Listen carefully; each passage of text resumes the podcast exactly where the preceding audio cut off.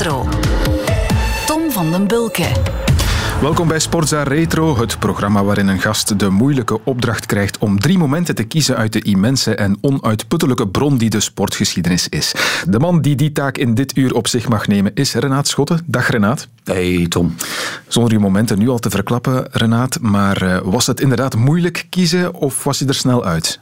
Ik was er vrij snel uit, denk ik, ja. ja. ja toch wel, ja. Nochtans, er is zoveel. Ja, klopt, maar ja, dan kom je toch bij een aantal, denk ik, stokpaardjes terecht vrij snel. Ja, ik weet dat je een trouwe luisteraar bent van uh, dit programma. Je bent dan wel iemand die van geschiedenis houdt, van nostalgie ook? Dat heeft natuurlijk ook voor een stuk te maken met mijn uh, studieachtergrond. Ik heb geschiedenis gestudeerd en dan is dat een soort misvorming die je voor de rest van je leven meedraagt, denk ik. Ja, maar ben jij ook een soort van levende fichebak waarin alles verzameld zit over de sportgeschiedenis? Dat denk ik niet. Ik denk dat er wel in, van alles in die vergaarbak zit die mijn uh, verstand, mijn harde schijf dan is. Maar of dat zo, zo uh, indrukwekkend is, dat kan ik moeilijk van mezelf zeggen eigenlijk. Ik zou het bij God niet weten. Ja, we gaan het misschien al een heel klein beetje testen in onze snelle vragenronde. Renaat, de koers is je grote liefde en ik las in je onlangs verschenen boek dat je die liefde meegekregen hebt van je vader. Klopt. Um, mijn vader was een verstokt Roger de Vlaming supporter, maar hij was vooral ook de man van de fotofinish van de koersen in West-Vlaanderen. En op die manier heeft hij mij als jonge jongen meegebracht naar al die koersen, waardoor ik heel veel wedstrijden van achter de schermen heb leren kennen. Ja, we spreken dan van de jaren tachtig, zoiets? Ja, klopt helemaal. Begin jaren tachtig al. Um, en dat liep door tot in de jaren negentig, eigenlijk tot ik begonnen ben als sportjournalist. En wie was dan jouw favoriete coureur toen je inderdaad nog die kleine jongen was? Het Roger de Vlaming-virus heb ik van hem overgenomen, maar dat heeft dan niet zo lang meer geduurd, omdat hij uiteindelijk toch op een bepaald moment dan is gestopt. En, en nadien ben ik dan blijven steken bij, bij de figuren van de Aarde, Plankaart. Dat waren de, de, de helden van mijn tienerjaren, ja. ja. Wie Renaat Schotten zegt, zegt uiteraard ook wel een beetje Brikschotten, de Flandrien, de Flandriens. Zijn jullie familie? Dat moet ongetwijfeld de meest gestelde vraag aller tijden zijn. Zo ongeveer sinds ik verslaggever ben geworden heb ik die vraag uh, vaak, heel vaak gekregen. En uh, ik heb jarenlang het antwoord niet geweten. En uiteindelijk bleek ik toch familie te zijn van Brik. Maar je moet negen generaties teruggaan voor een gemeenschappelijke voorvader. Dus dat is ah, echt wel heel, heel lang. En welke schotten was dat dan? Uh, die gemeenschappelijke voorvader, uh, als ik me goed herinner, uh, ene Pieter ergens hmm. ja, in, die, in de 18e eeuw of zo. Oké, okay, maar Briek was natuurlijk een geweldige coureur in zijn tijd, had een prachtige carrière en werd onder andere wereldkampioen in 1948 in Valkenburg. Bij het ingaan van de laatste ronde liggen Schot en Lazaride ver voor, maar de Belg toont zich in de eindspurt de snelste. De race was zo zwaar dat 42 renners, onder wie ook Bartali, Schulte en Middelkamp, hebben moeten opgeven. Schotte, de onverzettelijke Belg, heeft zijn wereldkampioenschap met ere verdiend. Het moet zijn dat ik eigenlijk die koers herinner, ik dat nog nu in de koers herinner, maar ik heel de dag het beste wist. En kan ik zeggen dat ik een Valkenburg gewonnen in 48, omdat het beste coureur van allemaal. Van al de foto's die je ziet. En nog gelijk, ik kreeg altijd, altijd, altijd maar op kop.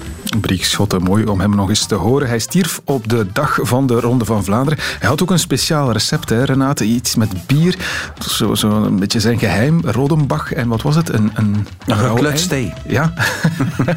ja, dat, is, dat behoort natuurlijk tot de overlevering rond de figuur van Briek. En ik denk dat hij zelf de eerste was om dat allemaal een beetje te relativeren. Maar los daarvan, ik ben heel, heel erg blij dat ik het geluk en het voorrecht heb gehad om Briek ook persoonlijk uh, te leren kennen. Dus dat, dat was wel iets wat op mij als jonge sportverslaggever een geweldige indruk heeft uh, nagelaten. Het was een mooie mens.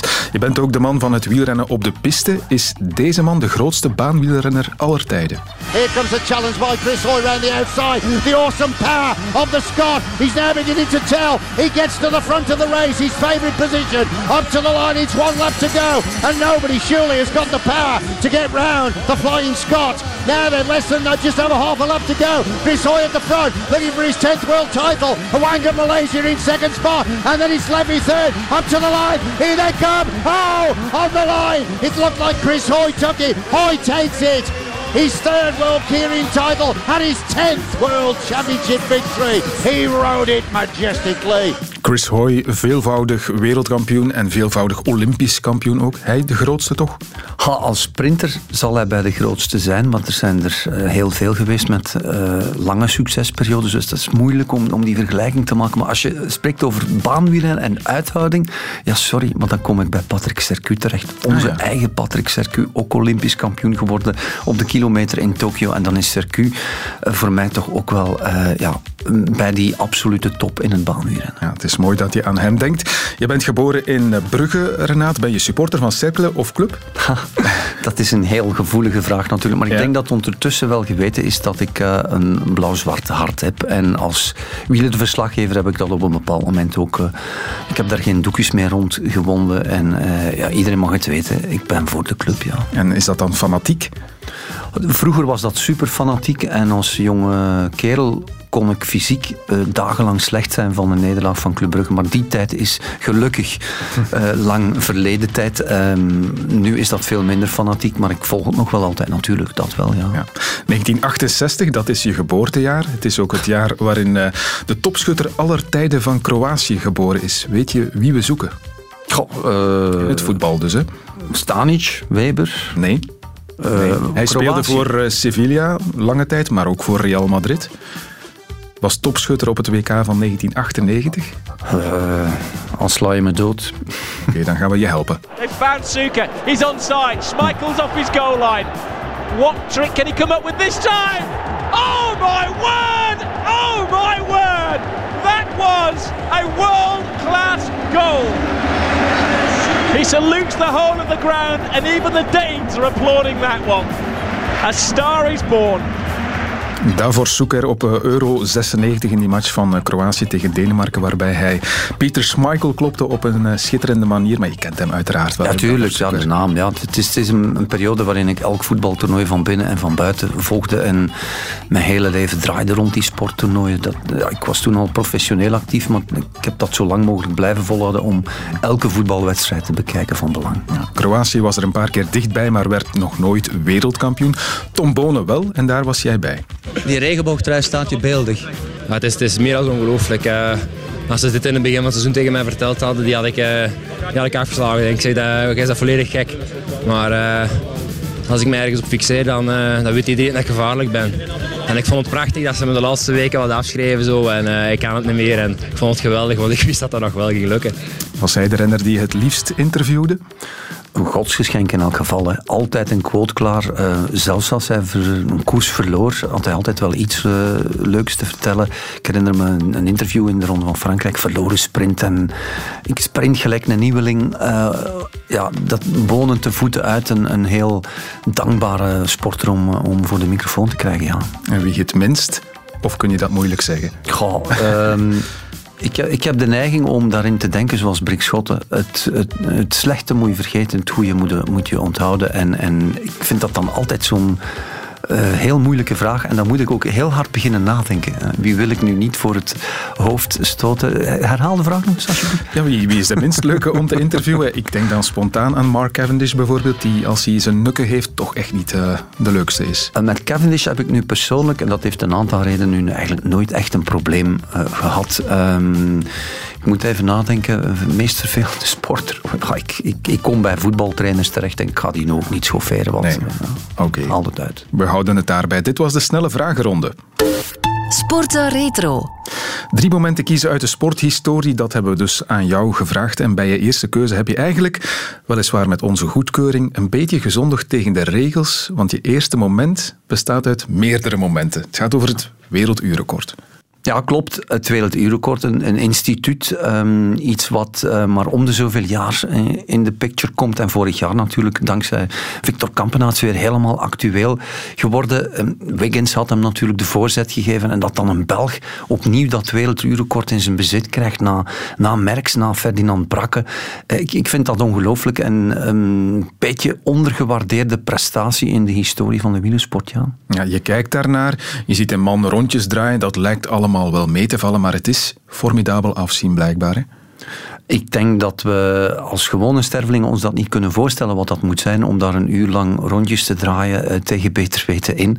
Um, je moet gewoon eens proberen een rondje te lopen, laat staan op een fiets. Ja, dat, dat, het is voor gewone stervelingen bijna niet te vatten, maar ik denk dat zo'n kampionaat zo'n ook alles behalve een gewone sterveling is. We gaan eens luisteren naar eh, wat het uurrecord betekend heeft in de loop van de wielergeschiedenis. We gaan beginnen bij Bradley Wiggins, die vertelt hoe gruwelijk die strijd tegen de klok wel is. It's just horrible. You know, you go round and round and round, and you stop looking at the clock. Every 250 meters you come round, it goes 58 minutes. Well, I'm not going to look at that again because that's going to get depressing. And you go around, you think 10 minutes is going, you look at it, 56 minutes, oh shit. And it just gets harder and harder and harder. And it's, it's brutal. It took me a week to recover from that. Ja, ik denk vooral dat uh, soms een keer aan de pijn die ik geleden heb, uh, minst dat duur. Uh, ik denk dat het moeilijkste uur van mijn loopbaan geweest is, denk ik. En het was iets ook dat ik uh, wou doen gedurende mijn loopbaan. Ik denk dat mijn loopbaan niet zou compleet geweest zijn, moest ik het uurrecord niet aangevallen hebben. Een aanval op het werelduurrecord. Een gooi naar het allerhoogste. In 1972 acht Eddy Merckx zijn moment gekomen.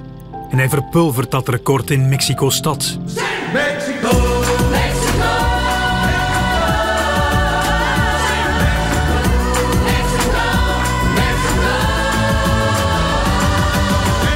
men spreekt gemakkelijk van 50 kilometer. Ja, Fred spreekt van 50 kilometer, maar men denkt niet na meneer, men dat zegt van... Uh... Ik heb het ook gezegd vandaag. Wel, men spreekt zo rap van 50 kilometer in duur, maar dan moet ik goed nadenken wat 50 kilometer op een uur is. Atención, señores y señores. El promedio aproximado hasta los 20 kilómetros es 49.477 kilómetros por hora. Billy, uh, wat gaat er om in het hoofd van jou als je één uur rijdt en die tijden en die bel hoort enzovoort? Ja, nou, wat denk je? Wat, wat... De bel natuurlijk, dat, is een, dat geeft u... Dat weet of je moet versnellen of verminderen. En uh, wat, je, wat je denkt, ja, dat is natuurlijk... Iedere ronde kijk je naar de, de ronde dat je gereden hebt en je denkt... En je telt maar altijd af. Als je, er, als je 20 kilometer gedaan hebt, dus 60 ronden, denk je... Oh, nog 90 ongeveer. En als je het eronder gereden, nog 50 ongeveer. En zo per ronde telde af. En ja, het is natuurlijk oneindig lang, dat uur. Misschien de langste uur van mijn, leven, van mijn loopbaan, moet ik zeggen. En ja, maar kom, ik ben toch erg gelukkig om. Uh, onmiddellijk als je van je fiets stapte, dan uh, hebben wij gezien dat je een soort kramp had. En zo maar is gebleken dat uh, je last hebt van je zitvlak. Ja, zeker Fred. Als je zo'n uur met een groot verzet toch rijdt, want 52, 14 is toch redelijk groot verzet... Mm -hmm. Dan zit je natuurlijk, alles is verpletterd moet ik zeggen. Het zitvlak is heel verpletterd. En wanneer dat, dat terug leven komt, dat doet natuurlijk uh, pijn. Maar ja, dat is, dat is misschien het lastigste van het uurrecord. Maar wat ik wel kan vertellen aan de mensen, dat is uh, dat je nu ongeveer een uur geleden dat record verbeterd hebt. En als we je zien staan hier, je ziet er beter uit dan gisteren. Ja, Fred, uh, dat is misschien een groot voordeel. Dat is de recuperatievermogen. En dat is een groot voordeel dat ik heb. Maar, je ziet er echt gelukkig uit. Ja, natuurlijk Fred. Ik, heb, ik ben zeer gelukkig, want het is toch een groot risico dat ik genomen heb en zo. En iedereen staat toch om te kritikeren een beetje zo, om te zien als het lukt of niet lukt. En uh, kom, ik ben zeer gelukkig. Het record van Merckx houdt 12 jaar stand. Het is de Italiaan Francesco Moser die in 1984 op een futuristische fiets als eerste de grens van de 50 kilometer doorbreekt. Moser maakt ook als eerste gebruik van volle wielen en een aerodynamisch pak.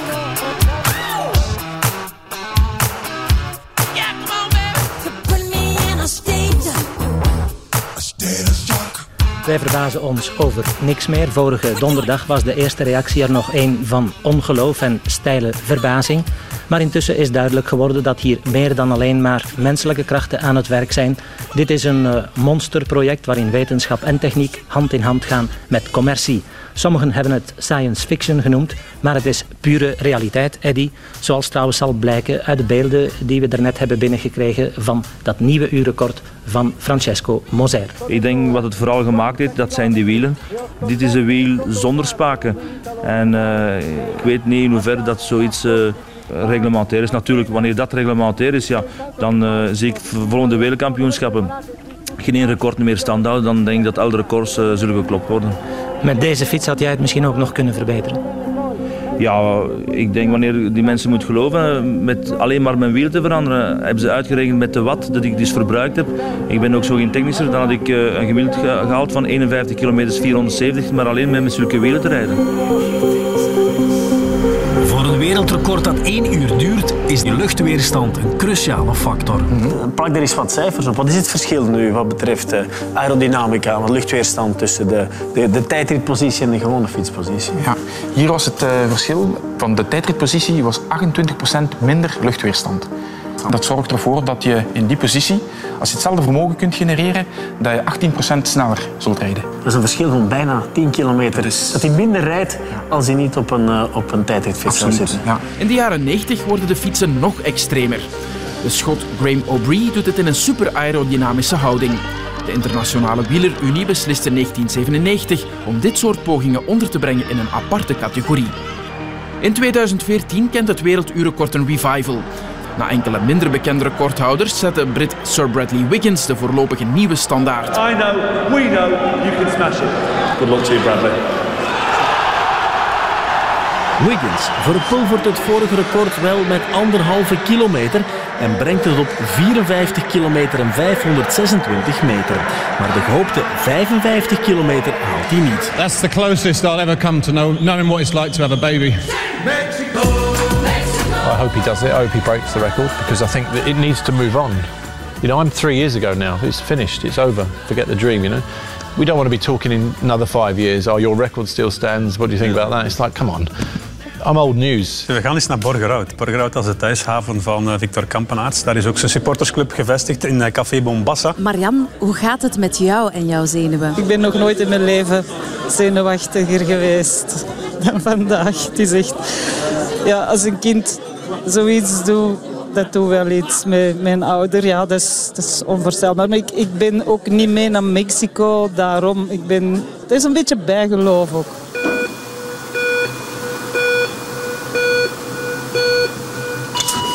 En het is begonnen. Na 60 ronden van 250 meter ligt Kampenaerts perfect op schema. Hij heeft dan een voorsprong van 9 seconden op Wiggins. Hij zit nog altijd eigenlijk op die anderhalve ronde, José. Zwaar. Die anderhalve ronde voorsprong. Dat is nog altijd comfortzone. Ik wil hem eigenlijk te veel pushen. Ik wil hem eigenlijk te veel pushen. Het is muisstil in de velodroom. Amper 50 mensen zijn getuigen van deze recordpoging. Dat wilde Kampenaerts zo. We hebben een nieuwe uurrecordhouder. En het is een Belg, het is een Vlaming. De volgende streep overschrijdt, dan heeft hij dat uurrecord al op zak. En dan is al wat erbij komt bonus. Het applaus weer klinkt in de hal. Het werelduurrecord is voor Victor Kampenaerts. Maar hoe ver geraakt hij nu? Hij heeft het op zak. Oh, wielergeschiedenis. Wachten op die officiële afstanden, maar het is gebeurd. Het uur is rond. Victor Kampenaerts realiseert een nieuw werelduurrecord in Aguascalientes. Kampenaerts is de nieuwe Eddy Merckx. Voor één uur dan toch. Van hieruit, proficiat. Proficiat. Proficiat. Dat is absoluut een hoogtepunt in mijn carrière tot dusver. En uh, ik vrees dat ik moet zeggen dat dat uh, misschien het hoogtepunt gaat blijven. Een maand lang, God in Mexico.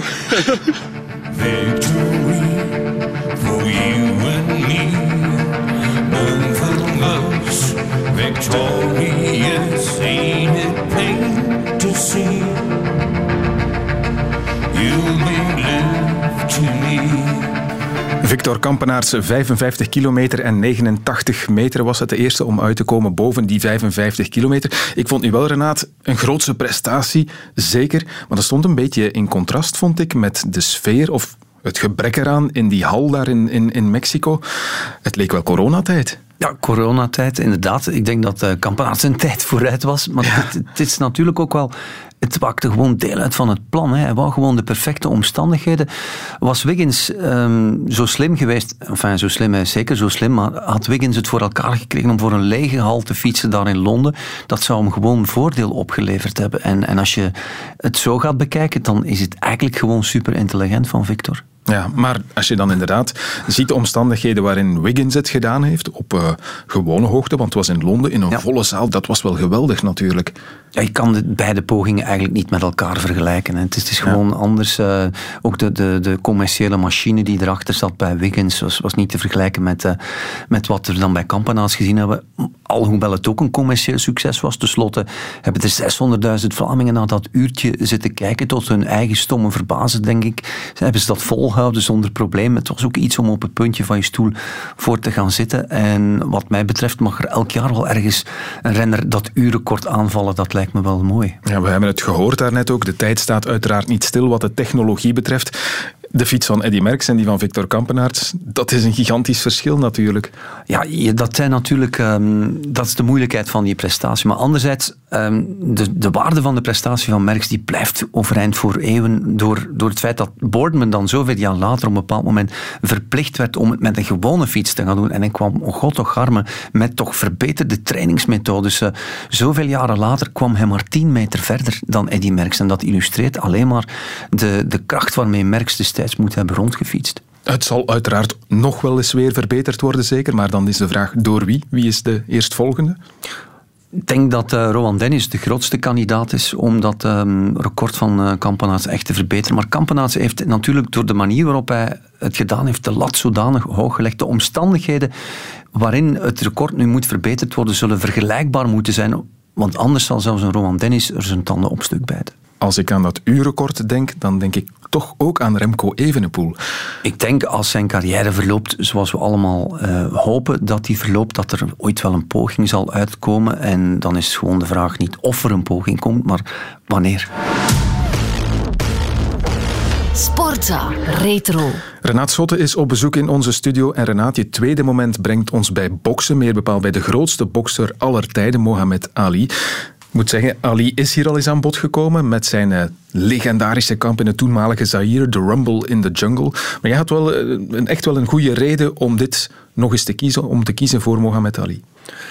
Als West-Vlaming ben je bijna geboren boksfan. Uh, Isegem, um, ja, die meetings daar, dat, dat, dat is iets wat, uh, wat elke West-Vlaming die sportliefhebber uh, mm. wil zijn, ooit moet meegemaakt hebben. En um, Koopman, de erfenis van Jean-Pierre Koopman, ooit gevochten tegen de allergrootste. En dan is er ook die eindeloze bewondering die ik heb voor de figuur Ali. Uh, en in de gegeven omstandigheden ook uh, het politieke klimaat dat aanwezig is. Ik denk dat Mohammed Ali zich in zijn graf omdraait als hij ziet wat zich allemaal afspeelt deze dag. Je hebt het over Black Lives Matter, ja. uiteraard. Ja, want hij was ook zeer geëngageerd hè, op dat vlak. Hij heeft bijvoorbeeld geweigerd om te gaan vechten in de Vietnamoorlog. Dat soort dingen. Hij was ook een zeer controversiële figuur.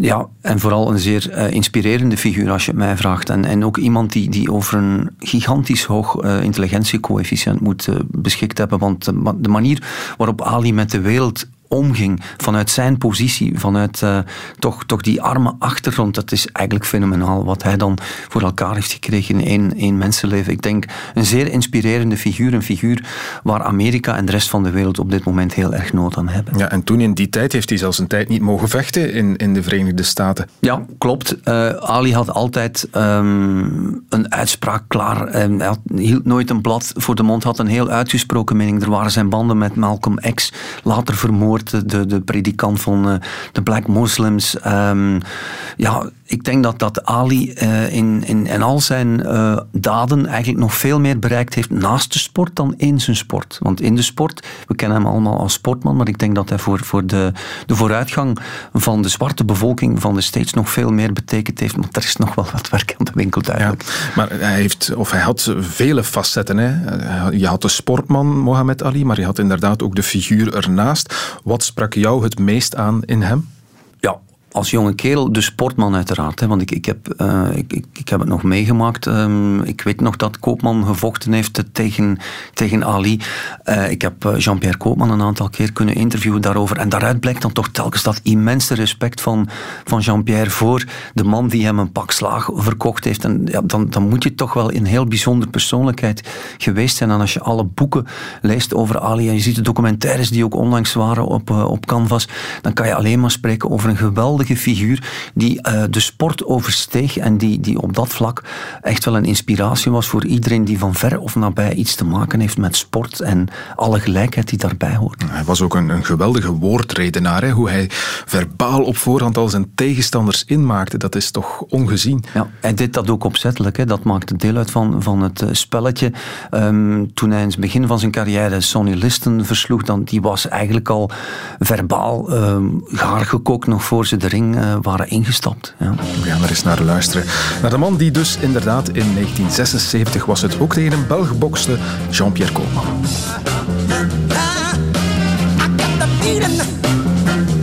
Now, baby, baby, I got that feeling. Hold it. He's yelling behind us.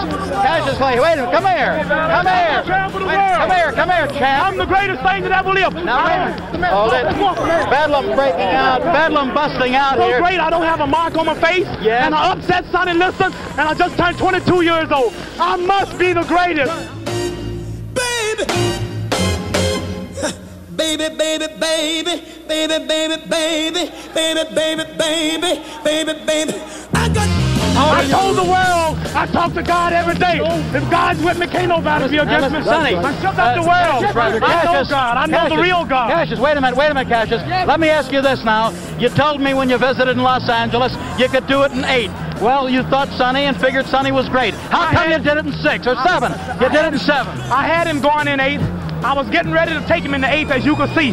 But the man stopped it just to keep from making me look so great. I say, Now, give us that poetry on number seven. He wanted to go to heaven, so I took him in seven. You took him in seven. I am the king of the world. Hold it, hold it, I'm hold it. pretty. Hold it. You're not that pretty. I'm a bad man. Wait, wait. I shook up the world. Why do you insist on being called Muhammad Ali now? That's the name given to me by my leading teacher, the Honorable Elijah Muhammad. That's my original name. That's a black man name. Cassius Clay was my slave name. I'm no longer a slave.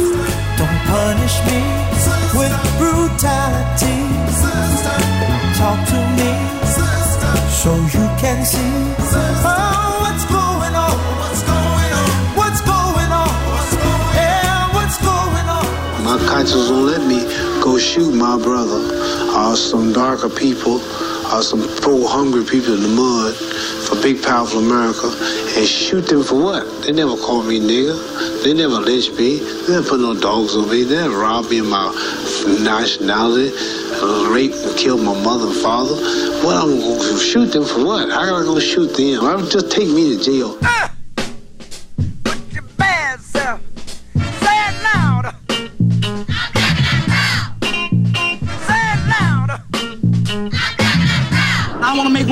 make prediction. I'm not calling around. I predict that when I meet Joe Frazier, this will be like a good amateur fighting a real professional. The winner by unanimous decision and still heavyweight champion of the world, Joe Frazier. Dr. Pacheco, uh, how do you find uh, Muhammad Ali's condition? I find him in excellent uh, fettle, both uh, physically and mentally, emotionally. You say you find him in good uh, condition mentally. Do you mean by that that he doesn't have any uh, aftermath, any... Uh, what's his feeling about losing? Uh, he's just as gracious a loser as he is a winner. He has accepted the consequences of defeat. He's matured at the age of 29 to a point uh, far in excess of his years so that he can accept uh, temporary setbacks of this sort uh, with equanimity.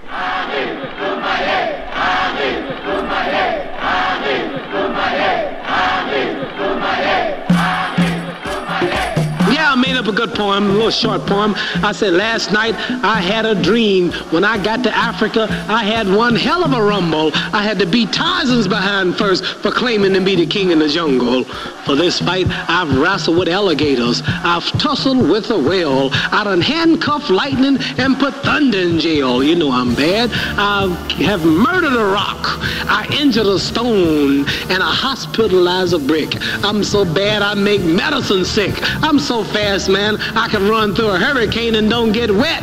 When George Foreman meets me, he'll pay his debt. I can drown a drink of water and kill a dead tree. Wait till you see Muhammad Ali.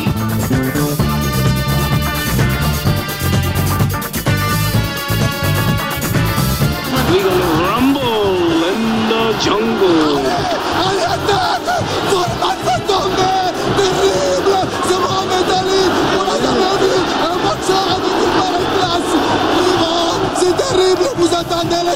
Applaudissements du public.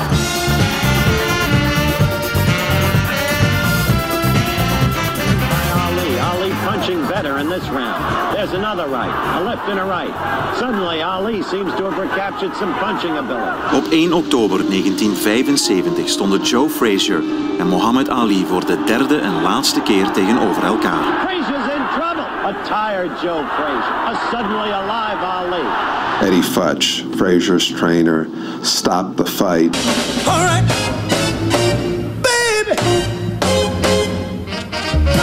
Er staan twee boxers in de ring met een eh, enorm klasseverschil. Mohamed Ali, de echte wereldkampioen. Jean-Pierre Koopman in vergelijking met deze Ali nog een echte amateur. Men vraagt zich af wat hij hier eh, is komen doen. You are very kindly to Jean-Pierre Koopman. Yes, I like him. He's a real gentleman. He's always smiling. You can't get angry at him. I try to get angry at most opponents, but he's too nice to get angry at. Wij hadden wel de indruk, Jean-Pierre kreeg schrik naarmate de confrontatie naderde, zagen we die altijd maar alleen meer schrik krijgen. We zijn dan zelfs met de journalisten hebben een list eh, besproken. We zijn met hem zelfs naar de waarzegster geweest om hem toch moed in te pompen dat hij kon winnen. En heeft me toen, maar dat was dan wel off the record, ooit gezegd dat hij schrik had. En dat hij vooral alleen op één ding uit was. Hier moet ik proberen ja, uit te komen dat ik voor mijn hele leven niet beschadigd word. Eh, die gaat neer, die gaat op de knieën, hier op beide knieën. Die is aangeslagen. 14 seconden namelijk voor het einde van die vijfde ronde. Er eh, hielp geen lieve moeder meer aan.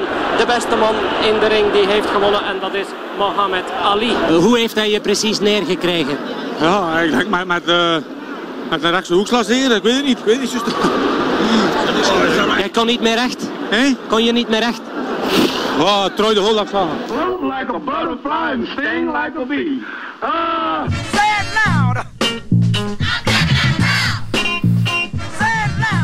Ja, Jean-Pierre Koopman, hij werd de leeuw van Vlaanderen genoemd, maar uh, Ali noemde hem a sweet little pussycat. Het was echt opvallend hoe lief hij voor uh, Koopman was, hè, want zijn andere tegenstanders die werden allemaal met de grond gelijk gemaakt. Ik denk dat uh, Ali heel erg zeker van zijn stuk was bij die kamp ja. uh, natuurlijk. En uh, ja, het, het, waren geweldige fragmenten, Tom. Die Congolese commentator bij de Rumble in the Jungle, fenomenaal. Ja, ja. we hoorden ook nog dat hij inderdaad zei... Ik wil niet meer Cassius Clay genoemd worden, want dat is eigenlijk de naam waarmee hij geboren is. Maar dat was een slavennaam. Dat bewijst inderdaad hoe relevant het thema vandaag nog is, terwijl dit van zoveel jaren geleden is. Ja, klopt. Uh, alhoewel ik het heel spijtig vind dat hij, dat hij dan eigenlijk afstand heeft genomen van die naam Cassius Clay, omdat ik het een fantastische naam vind mm -hmm. op zich, gewoon mm -hmm. hoe het klinkt. En blijkbaar kwam dan nog daar de zesde bij of zo, Cassius Clay de sixth. Uh, maar goed, ja, ik snap de connotatie er natuurlijk mee met zijn verleden, met zijn voorgeschiedenis. Uh, het getuigde van heel veel moed om dan eigenlijk die andere naam aan te nemen, want een aantal andere zwarte boxers, die weigerden dan eigenlijk resoluut om hem bij die naam te noemen. Zo gevoelig lag dat allemaal. -hmm. Dat was letterlijk um, zwarte onder elkaar, maar zwart tegen wit. En, en uh, het had met politieke statements te maken die toen eigenlijk uh, um, heel, heel uh, moedig waren en die eigenlijk je carrière konden ondergraven, wat, wat voor een stuk door de buitenwereld ook geprobeerd werd natuurlijk. Veel boeken, veel films over hem ook gemaakt. Hè? Ja, eindeloos veel. Je kan, je kan altijd wel ergens iets lezen over Ali en, en, of bekijken. En je wordt het nooit moe. Want uh, Mohammed Ali, dat was naast een superatleet, naast blijkbaar ook een geweldige mens. Uh, als we iedereen mogen geloven die hem van uh, nabij heeft gekend. Maar ook een ongelooflijke woordkunstenaar. Mm -hmm. Hij kon echt dichten. En hij deed dat vrij spontaan. Ik denk dat hij las dat niet af, hè? Ja, dat is het straffe eraan. Dus ja? dat, dat illustreert eigenlijk alleen maar wat ik daarnet zei. Moet een ongelooflijk intelligente man geweest zijn. Radio 1. Sportza Retro. We zijn begonnen met koers, Renaat, en we gaan er ook mee eindigen. Voor je laatste fragment moeten we naar 2009 en naar Philippe Gilbert. Ja, klopt. En dat is um, omdat het voor mij ook een, een, bijzondere dag was. Het was de eerste keer dat ik commentaar mocht geven bij, bij het monument. En dat was dan door de omstandigheid de Ronde van Lombardije, ergens diep verscholen in het najaar. Wedstrijd die bij ons soms wat miskend wordt door mm -hmm. de plek op de kalender. Maar toch ook wel een van de grootste koersen van het seizoen, de Giro di Lombardia. Daar zeg je het al. Hè. Wij kennen die koers niet zo heel erg goed. Hè, want wij Vlamingen, wij kijken natuurlijk naar alle monumenten in het voorjaar. Die zijn heilig voor ons. Maar die Ronde van Lombardije, is dat dan inderdaad een onderschatte koers? Eh, zeker, als je het profiel van de wedstrijd bekijkt, dan is dat een van de zwaarste eendagskoersen op de kalender. Maar door het feit dat hij daar een beetje weggestopt zit onder de neerdwarrelende bladeren op het einde van het seizoen, is er minder media-aandacht voor. We zijn op dat moment misschien ook een beetje koersmoe in, in ons koersgekke Vlaanderen. En op die manier geraakt Lombardije dan altijd een beetje ondergesneeuwd. En op die manier doet het dan natuurlijk dubbel plezier als een landgenoot daar kan scoren. Ja, en voor jou dus heeft het ook een persoonlijk tintje, want het was de eerste klassieker die je mocht becommentariëren op de televisie. Mijn eerste monument. Monument, monument ja. Dat is een belangrijk onderscheid. Mhm. ja. En hoe kwam dat? Ehm, ik weet het niet meer. Je zei omstandigheden, maar Ja, ik, vermoed dat Michel Wuits onbeschikbaar was. Ah, ja, zoiets was het geweest. Gilbert was, was eh, in topvorm hè, dat najaar. Ja, het, het was de Gilbert van de grote dagen die er zat aan te komen. En eh, hij had al een paar keer toegeslaan in het najaar met Parijs Tour. Ik denk dat hij dat toen al voor de tweede keer eh, had weten te winnen. En Parijs Tour, dat is natuurlijk een heel ander parcours. En dat hij het dan ook nog eens gaat klaarspelen op het parcours van de Ronde van Lombardije. Eh, ja, Gilbert is de eerste om nu 2020 toe te geven. Lombardije, dat gaat mijn petje te boven. Dat kan ik niet meer aan, maar ooit kon hij het wel. Zeker wel. En in de weken voor Lombardije won hij dus ook al een handvol andere koersen.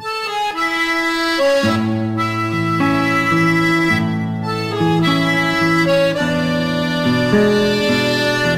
Adesso è passato in testa Philippe Gilbert, compagno di squadra alla Silence Lotto. Philippe Gilbert su Visconti, Philippe Gilbert per Silence Lotto trionfa alla Coppa Sabatini. Daar hangt ze, daar hangt ze, de rode vod. Nog één kilometer en we kennen de winnaar van deze Parijs Tour. De laatste positie en Gilbert gaat Bonen proberen te verrassen. Gilbert op kop, Bonen moet er nog altijd overkomen. Bonen komt nu naar het wiel van Gilbert, maar Gilbert gaat winnen. Gilbert gaat voor de tweede keer Parijs Tour winnen. Komt Bonen nog, heel spannend. Jawel, het is Gilbert die wint en vloekt. finali del Giro del Piemonte, ecco il triangolo rosso. C'è sempre davanti Philippe Gilbert. Philippe Gilbert, attenzione a Moreno, Gilbert e Moreno, Gilbert! Ma cosa ha fatto oggi Gilbert? Impressionante.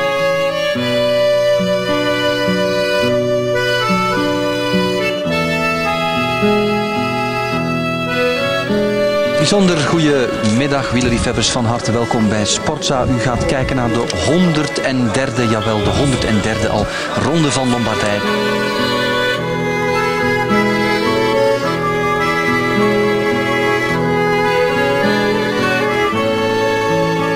Six kilometres to go, and an attack now is this Gilbert who's gone in the shadows of the bridge. It's a very familiar style indeed, and this is a perfect time for him to go. Zes kilometer nog. Gilbert gaat. Philippe Gilbert op de San Fermo della Battaglia. Strijd. Philippe Gilbert die de spurt niet afwacht. Hij is misschien de snelste. Hij is met zekerheid de snelste. En dan toch alleen gaan. Chapeau. Kan hij dit alleen volhouden? De Olympische kampioen is op komst. Hier gaat Gilbert nog eens versnellen. Gilbert die blijft dansen op de trappers. En Sanchez die toch aan een terugkeer bezig is hoor. Plunge down now as we're bound for Como. Two big name riders of this season fly the flag. One for Spain, one for Belgium. Gilbert comes from the Ardennes region. French is his first language. He speaks fluent uh, Flemish, which is unusual for a Frenchman, by the way. He lives in Belgium. 14 seconden voor Sanchez en Gilbert. Ja, ja. Kende jij de weg? Vraag, uh, Gilbert aan hem. Nee, zegt hij. Little shake of the heads. I wonder what they said there. I think uh, possibly, can you give it any more? And he says, no, I'm going as fast as I can. Gilbert drives on. We're in Como now, one kilometre to go. The flags of Flanders fly on the right. Gilbert die treuzelt, die treuzelt, die wacht om die spurt in te zetten natuurlijk. de inspanning goed timen en dat doet hij ook. En dan gaat hij nu aanzetten van op de kop. Sanchez zit in het wiel. Gilbert voor een plaats in de geschiedenisboeken. Philippe Gilbert, de Olympische kampioen, komt opzetten. Philippe Gilbert met de kleine voorsprong. Philippe Gilbert die nog eens gaat aanzetten. En Gilbert die wint, jawel! Ronde van Lombardije, 29 jaar na Fons de Wolf. Een Belge, Philippe Gilbert, wint voor Sanchez. Gilbert makes it, kicks again. Boy, that was a gamble. Moved slightly off his line, but I don't think that was a problem. What an amazing period the month of October has been. He's never known anything like it. Ja, ik heb alles gegeven op de, de laatste klim en dan uh, was nog uh, Sanchez bijna mee. Ik heb uh, iets wachten, omdat hij is ook een van de beste afdalingen. En we hebben echt gecollaboreerd samen met we hebben alles gegeven en dat was, dat was ook mooi. Zoals een beetje, beetje Parijs Tour. Als uh, tussen kampioen is en uh, als we geven alles, dat is echt mooi. En dan in de sprint, ja, ik was ook op kop bijna de laatste 1300 meter. En ik heb beginnen op 200 meter ongeveer. En dat was, dat was zo mooi, ja. Je breekt de band 29 jaar na Fons de Wolf. En het eerste wat je ons daarnet zei was, denk al aan een andere wedstrijd. Ja, zoals de Wolf heeft uh, in 80 uh, hier gewonnen en uh, 81 uh, Milan Sanremo gewonnen. Dus ja, als ik wil zoals hem gedaan, als, ik heb niet veel keus, ja. Ben jij de sterkste renner van het moment? Ja, we moeten naar een uitslag kijken. ja, ja, ik ben ik denk de sterkste. En op alle parcours. Ik heb gewoon een Parijs Tour, dat is een vlakke koers. Hier, eh, dat is een bergenkoers.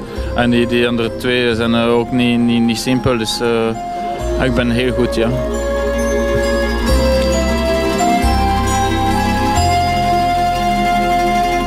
Philippe Gilbert, hij is slim op alle vlakken, hè Renaat? Dat hij dat ook nog wist van Fons de Wolf zoveel jaren geleden. Ja, en dat maakte die overwinning natuurlijk ook bijzonder. Hè, want uh, het is het soort wedstrijd, als je dan, dan zo lang zit te wachten op een, een Belgische overwinning. Eigenlijk zitten we uh, ook nog altijd te wachten op een Vlaamse opvolger voor Fons de Wolf in, uh, in Milaan-San Remo. Mm -hmm. Of een, ja, een andere Belg dan. we hebben Chmil gehad met Gilbert. Die kan de cirkel daar helemaal rondmaken. Hè. Denk je dat dat nog kan? Dat ik denk het wel. moeilijk. Ja, maar Milan-San Remo is het soort wedstrijd waar je met één goede intelligente koersbeslissing toch die koers naar je hand kan zetten als je op het juiste moment in de juiste positie zit. En hij zal het moeten doen op zijn schmils, denk ik. Uh, na de afzink van de Poggio, klein groepje, er wordt even naar elkaar geloerd en tjak. Ja, die ambitie heeft hij nog altijd. Hè? Hij spreekt nu ook van een vijfde keer de Amstel Gold Race winnen.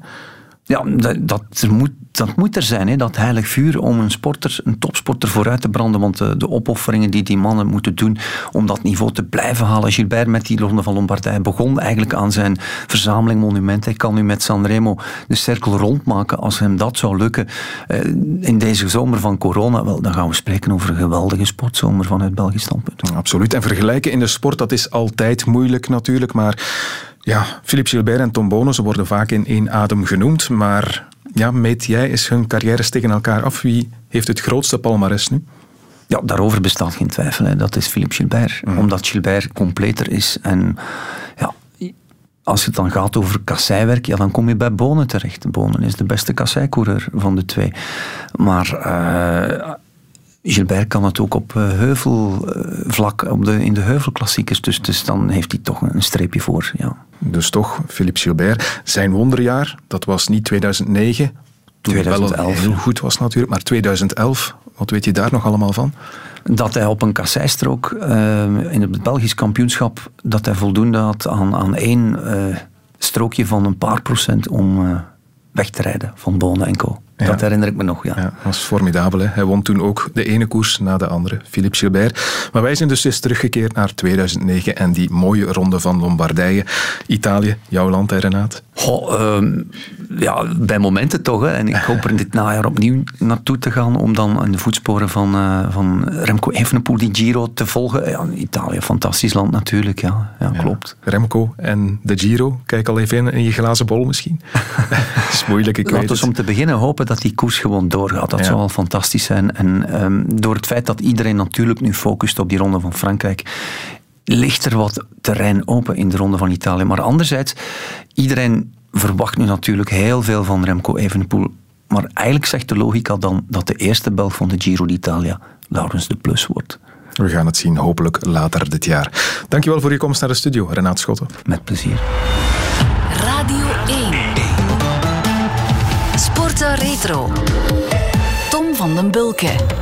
Goedenavond, we zijn klaar voor een nieuwe duik in ons sportarchief. Want onze pap raakt nu eenmaal niet gekoeld met al die buitenlandse voetbalmatchen in lege stadions. Al denkt onze gast daar misschien wel anders over. Goedenavond, Otto-Jan Ham. Dag Tom.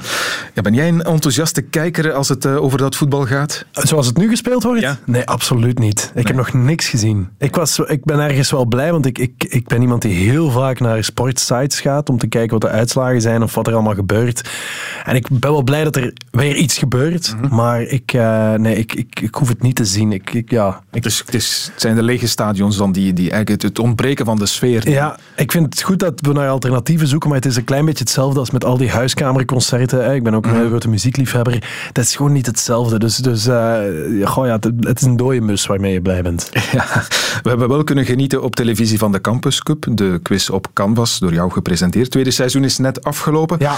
Ligt er al een nieuw project in het verschiet nu voor jou? Het is bij, ook bij ons is het een beetje onduidelijk. Er, liggen wel wat, er zit wel wat aan te komen. Uh, dit najaar gaat nog vrij druk zijn en dan wordt het een beetje afwachten wat er allemaal gaat gebeuren. Maar dat is op zijn beurt ook wel spannend. En, uh, dus, dus ja, ik vind, ik, ik, uh, ik vind dat op zich niet zo erg eigenlijk. Die onduidelijkheid is bij mij altijd een beetje geweest. Er komt wel een, nieuwe, een nieuw seizoen van Campus Cup komt er sowieso een nieuwe ja. reeks van. En dit najaar ben ik, ben ik uh, voor de mensen die een hekel aan mij hebben, en ik weet dat die er zijn, wordt het een vervelend najaar, want ik kom veel op televisie met allerlei, allerlei projecten. En, uh, Oké, okay, maar vandaag is het op de radio. Ben je trouwens zelf een goede quizzer? Redelijk. Ja, redelijk. Ja, ja. Ja. Specialiteit sport of iets anders? Ja, dat valt dan nog wel vies tegen eigenlijk. Specialiteit zit bij vooral muziek, weet ik veel van. Muziek en film. Oké, okay, maar nu gaan we het over sport hebben natuurlijk. Weinig of geen quizvragen trouwens in onze snelle vragenronde. Dus daar hoef je in elk geval geen schrik voor te hebben.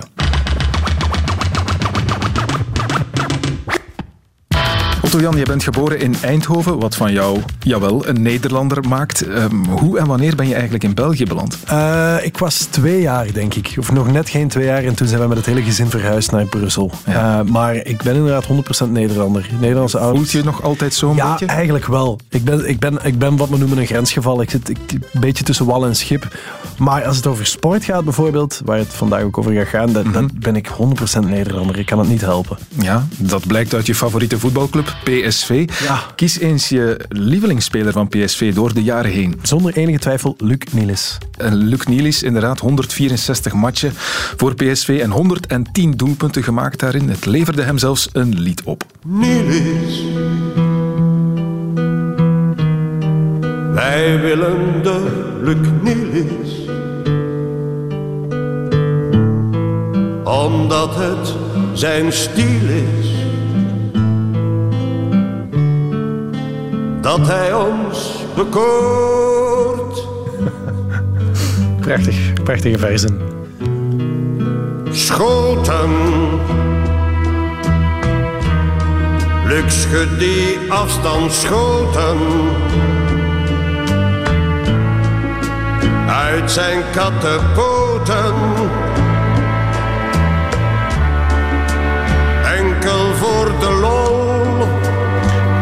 Gehoord, dit nummer. Ja. Heb je de zanger herkend? Inderdaad, dat is Jacques Vermeire. En die prachtige verzen zijn geschreven ooit door Mark Uiterhoeven.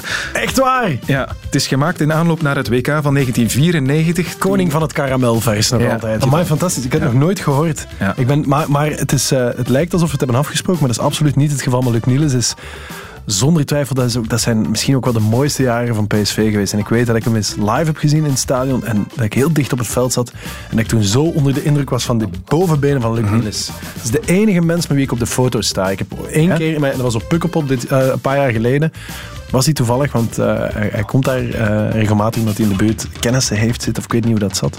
Mm. En zijn dochter was stagiaire bij de Ideale Wereld. En toen heb ik gevraagd of ik een foto mocht.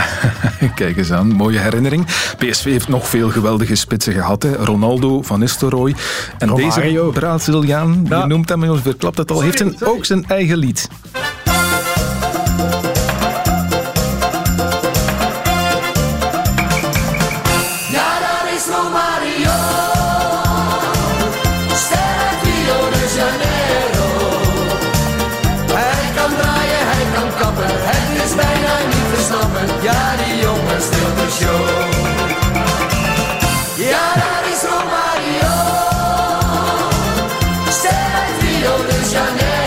Zweermark uitroepen, toch? Dat, eh, Dat weet ik niet. Ik was er wel gisteren al mee bezig, kan je verzekeren. Dit blijft de hele Dat avond in je hoofd ja. hangen. Ja, Sotti heeft daar volgens mij vijf seizoenen gespeeld. Je kan, je kan je dat nu niet voorstellen. Dat zo, en dat was op de top van zijn kunnen, hè, dat hij Ja. daar speelde. Dat is ongelooflijk. Fantastische voetballer en hij hield ook enorm van dansen. Hing vaak in de discotheek eh, op zaterdagavond en dan op zondag ging hij gewoon shotten en eh, dan maakte hij er weer drie voor PSV. Was ongelooflijk. Maar hij was ook zo lui als maar kon. Hè. Dus hij trainde nooit. Ik weet, wij hadden, eh, mijn, mijn moeder heeft nog gewerkt in Eindhoven, ook bij een oogarts. En we kwamen daar wel eens als kind. En toen deden we dan, dan ging die, die man altijd wandelen met zijn hond. En dan liepen wij langs alle huizen waar de PSV's woonden. En dan zei hij, hier woont Romario en hier woont Koeman. En dat was, dat was fantastisch. Die woonden allemaal zo in, in hetzelfde blok. Ja, Dat was echt eh, Ja. grappig. Ik herinner me ook nog een reportage waarin Erik Gerits hem moest oppikken om, om te gaan trainen. En waarbij hij dan met eh, steentjes tegen het raam moest gooien, want Romario was weer eens aan het slapen. Ja, ja, ja. ja. Altijd, die belde dan dat hij niet kon, omdat hij overal pijn had. Ja, ja, schitterend. Hij heeft wel heel lang gevoetbald, van 1985 tot 2009.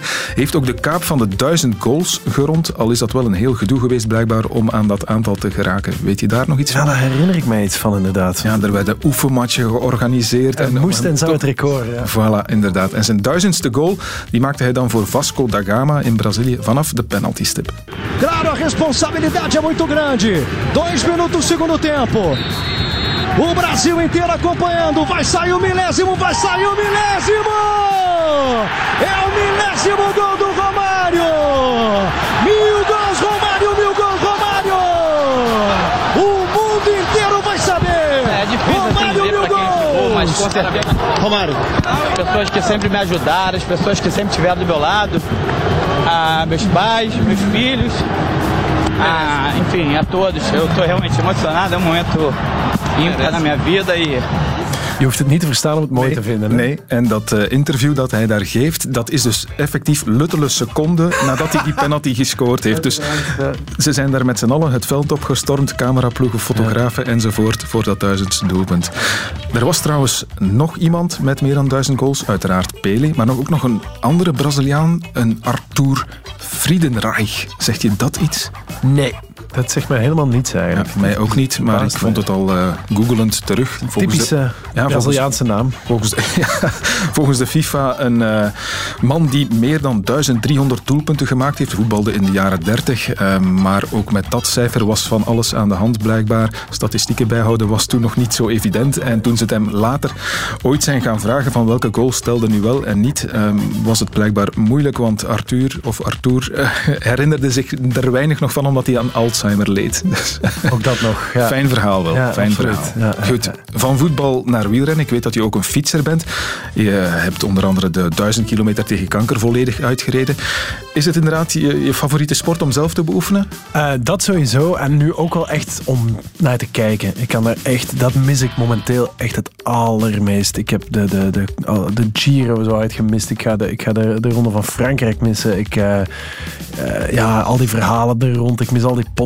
Ik, ik vind dat, dat is, wielrennen vind ik echt geweldig. Ik was afgelopen zondag was ik in het Pajottenland waar, waar ik woon, in die omgeving, was ik aan het picknicken met mijn kinderen. En ik zag... eh, Oliver Naassen en Greg van Avermaat, eh, die, die, zag ik, die zag ik daar voorbij fietsen, die waren aan het trainen. En mijn hart maakt dan een spa. Ik ben echt een klein kind. Ik ben zo'n klein kind. Dit is echt, dit is een, eh, ik vind dat fantastisch. Ik, ik zie die mannen graag bezig. Ik vind dat ja, geweldig. Ik doe het ook echt heel erg graag. In het programma Wouters en Waas reden eh, Koen Wouters en Tom Waas ooit Bordeaux-Parijs tegen elkaar op een oude fiets.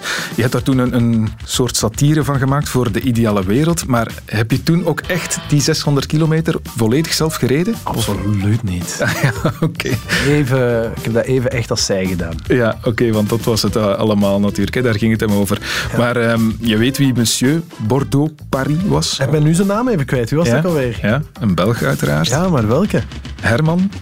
Van Springel? Van Springel, Oh, ja. Ah, ja. Won uiteindelijk zeven keer.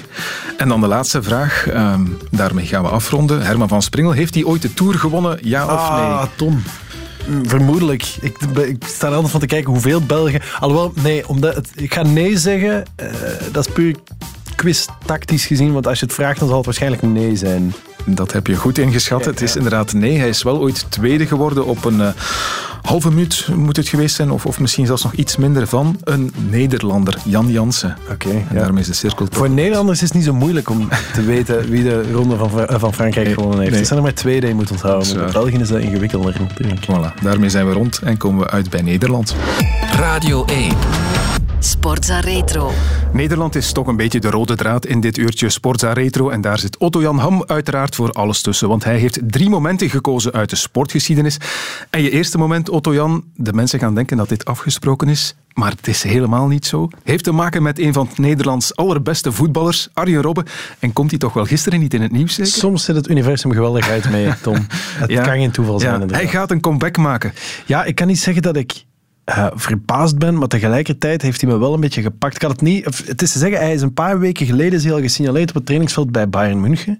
Maar daar heeft hij nog eens gezegd, ik ga sowieso niet terugkomen. En er is ook even sprake geweest dat hij terug zou gaan naar PSV. Maar, maar dit, is, uh, dit is op dat vlak wel onverwacht dat hij voor Groningen gaat spelen. Ja, maar vind je het een goed idee? Ja, tuurlijk. Hoe meer Arjen Robben, hoe beter. Het maakt me niet uit. Ook al, ook al speelt hij af en toe. Dat, gaat toch, dat is leuk. Dat, dat, dat, waren, dat was tof toen Van Persie terug in, in Nederland ging spelen. Het was tof toen, van, uh, toen Company terugkwam naar Anderlecht. En het maakt niet zoveel uit. Uh, ook al zie je die maar heel eventjes vijf, de laatste vijf minuten invallen. Dat, is, dat zijn legendes. Dus die, daarvoor ga je wel echt naar het stadion. Ja, en het is blijkbaar zijn droom om dan bij Groningen het af te sluiten. Het is wel bijzonder. Ja. Ik, zat, ik zat net nog te denken toen ik het nieuws hoorde. Van het is eigenlijk wel... Hij had ook voor... Ik weet dat ze hem bij PSV heel graag wouden. En... Uh, en als je voor PSV gaat voetballen, dan, dan zit er op zijn minst nog, dan kan je nog landskampioen worden. En je weet, als je bij Groningen gaat voetballen, dat, dat is uitgesloten. Mm -hmm. Dus dat wil toch echt zeggen dat het uit liefde voor het spelletje is en niet zozeer uit een soort van honger naar zegens of naar, naar, naar, naar victorie. Ja.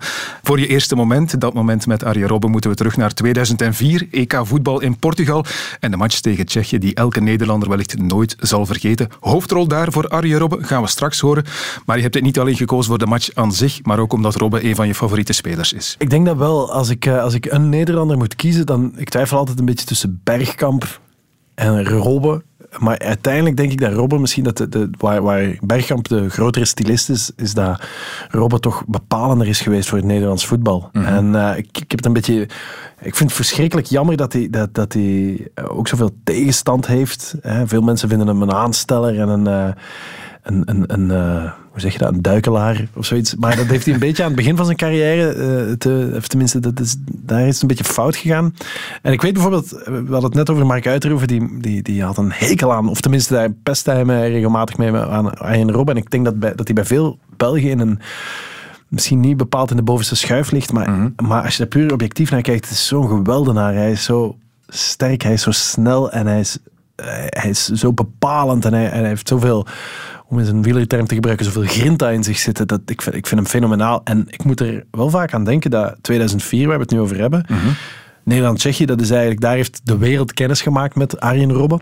Ik weet niet of hij toen nog voor PSV speelde, maar uh, daar was hij heel erg sterk in. En werd hij er onterecht uitgehaald. Maar als je erover nadenkt, dat is al zo lang geleden. Mm -hmm. En al die jaren is hij erbij geweest. En al die jaren is hij bepalend geweest voor Nederland. Zelfs toen ze het uh, laatste toernooi dat ze niet gehaald hebben. Hij, ze halen niet zoveel toernooien mee. maar toen, in zijn, zijn laatste wedstrijd voor het Nederlands elftal moesten ze eigenlijk, om toch nog het eindtoernooi te halen, moesten ze met 7-1 winnen of zoiets van IJsland. Dat was zo, ik weet nu niet meer precies. En dat is uiteraard niet gelukt, maar hij heeft er toen wel een paar inge... Hij heeft, hij heeft toen wel drie goals gemaakt of zoiets. En hij, hij, was, hij was ook toen weer de man, mm. de enige, denk ik, van Oranje die er nog voor wou gaan. En dat, dat zegt ook wel iets over, over hem. Hij is zo onvermoeibaar. Uh, ja, ik, ik, mag er graag naar kijken. Het is echt jammer dat hij, dat hij zichzelf een beetje in de voet geschoten heeft met al die duikpartijen. Ja, ja dat is heel ja. spijtig. Maar dat was niet het enige wat hem typeerde. Hij, had ook, hij maakte bijna altijd hij had een soort patent, zou ik zeggen, op, op zijn doelpunten. Hè. Op snelheid, dan naar binnen kappen ja. en met zijn, zijn linkerpoot in de verste hoek. Heerlijk. Ja, ook daar zeiden mensen vaak, ach, hij doet altijd hetzelfde. Maar, ja, ik, maar hij deed het toch hij telkens deed weer. Het en, en, en niemand kon hem afstoppen. Nee. En hij was ook veel, uh, hij was veel meer dan dat. Hè. Ik heb heel lang getwijfeld, om, ik wou het ook heel graag over die 1-5 uh, uh, tegen de Spanjaarden hebben op het WK in Zuid-Afrika, geloof ik. Mhm. Mm -hmm. Um, waarin, uh, uh, waarin hij eigenlijk ook toen, dat was het Nederland van Louis van Gaal, waar niemand een cent om gaf. En, uh, en hij heeft eigenlijk gewoon al door zijn geestdrift heeft hij, heeft hij, heeft hij die 5-1 uit, uit, uit wacht gesleept. Maar ook gewoon die doelpunten die hij daar maakt, die zijn onwaarschijnlijk. Die, dat, dat, hoe hij een bal kan uit de lucht plukken en stilleggen. Hoe hij in de, wat is het, 70ste of 80ste minuut er een sprint uitpijst. En waarmee hij er echt gewoon drie Spaanse verdedigers uitloopt. Dat is eigenlijk, dat, dat, is, dat is waanzin. Ja. Hij heeft zoveel gewonnen eigenlijk. Dat is een eh, fenomenale kerel. Bij PSV gespeeld, tien jaar bij Bayern München ook. En uh, toen ik hem even opzocht uh, gisteren, ik was bijna vergeten dat hij ook bij Chelsea en Real Madrid gespeeld heeft. Ja, maar volgens mij is hij van, van PSV naar Chelsea gegaan en daar heeft hij nooit echt speelminuten gekregen. Of daar is hij in elk geval nooit doorgebroken. Dan bij Real ook niet. Maar, maar Bayern München was de, de ploeg die hem hmm. het best lag eigenlijk. En uh, daar is hij ook gewoon een veel betere voetballer nog geworden. Goed, die bewuste match dan Nederland-Tsjechië met Arjen Robben en de wissel. Zeg maar de slechtste wissel uit de geschiedenis van het voetbal. Met dank aan Dick Advocaat. De tweede wedstrijd is tegen Tsjechië. Het land dat in de EK-kwalificatie te sterk was voor Oranje. Bij Nederland een nieuwe man in de basis. Arjen Robben gaat zijn uh, debuut maken op dit Europees kampioenschap voetbal. Hij is wekenlang geblesseerd geweest, twee maanden uh, ongeveer. Uh, hardnekkige hamstringblessure. Ben jij een fan van Robben? Ja, ik vind het een heerlijk gevoel om naar te kijken. veel kwaliteiten die weinig spelers hebben. Een buitenspeler die een man voorbij gaat, goede voorzet en ook nog een goal maakt. Dus ja, ideaal voor de toekomst. Dit is Oranje tactisch gezien met echte vleugelaanvallers nu met Robben en Van der Meijden. Een middenveld waar dus geen plaats is voor jongelingen als Van der Vaart en Snijder. Want het gaat vandaag om het echi. Drie minuten zijn we ver. Eerste keer misschien oranje voorin. Daar komt de bal van Robben richting tweede paal. Helemaal vrij. En binnengekomen, jawel, het is de goal. Bouwman mag scoren. En plots is het al 1-0 voor Oranje. Wat een droomstart dan. Niet Jan Koller met de vroege goal. Maar wel helemaal Wilfred Bouma. Helemaal het oog verloren aan de tweede paal. En hij scoort overhoeks binnengekoopt. Alsjeblieft. It is the passion flowing right on through your veins. And it's the feeling like you're so glad you came. We gaan meteen terug naar Sportza naar Nederland-Tsjechië bij Peter van den Bund. Ruud van Nistelrooy heeft gescoord. Net als in de eerste wedstrijd. De Tsjechen tot twee keer toe helemaal uit verband gespeeld. Van Nistelrooy uitstekend positie gekozen. Helemaal vrij voor de goal. En Robben met het overzicht. En Van Nistelrooy met de inlegger. En staat 2-0 alsjeblieft. Welke oranje fan had dat durven denken. En ook advocaat is heel erg blij met deze droomstart.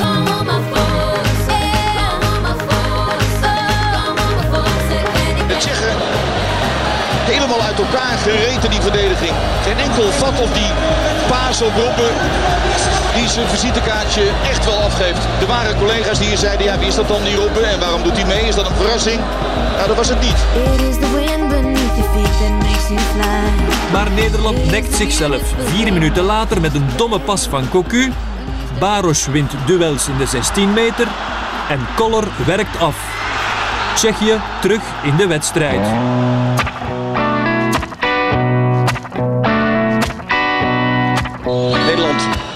Die wissel nu toepassen. Robben bij Oranje moet eraf. Daar is hij niet blij mee. En het publiek snapt het ook niet. Vandaar dat fluitconcert, want Robben was levensgevaarlijk. Ja, je zou kunnen zeggen, hij wordt tegen zichzelf in bescherming genomen. Twee maanden was hij geblesseerd die hamstring en twee keer in korte tijd. Maar het venijn druipt van hem af. En dan maakt zo'n gebaar van, wat doe je nou trainer? Robben eraf. Robben eraf. Daar verstaan we niets van eerlijk gezegd. En Robben zelf ook niet. En Horis, het publiek al helemaal niet. Het hele stadion was met stomheid geslagen. De Nederlanders vanwege het feit dat de beste speler eruit ging. En de Tsjechen met het feit dat de beste Nederlandse speler eruit ging. Als je snapt wat ik bedoel. Het was onbegrijpelijk. Je, ik zat ook nog in de auto als half verdwaasd. Te proberen je te verplaatsen in het hoofd van advocaat. Maar dat lukte me gewoon niet.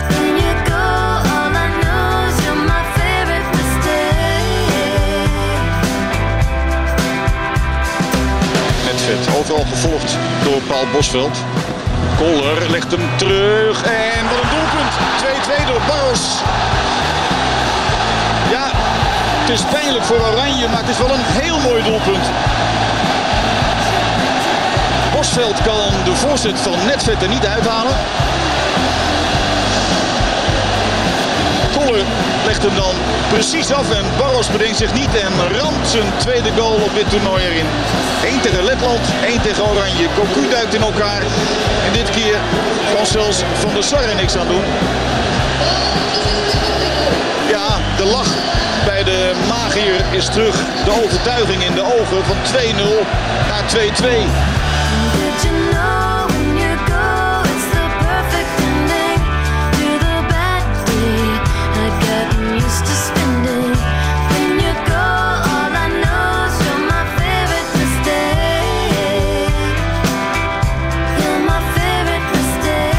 Nu, schot uit de tweede lijn, Heinz en de save van Wilson. En nu, Boborski breed, dat is de goal, jawel. Dat is de goal van de Smitser.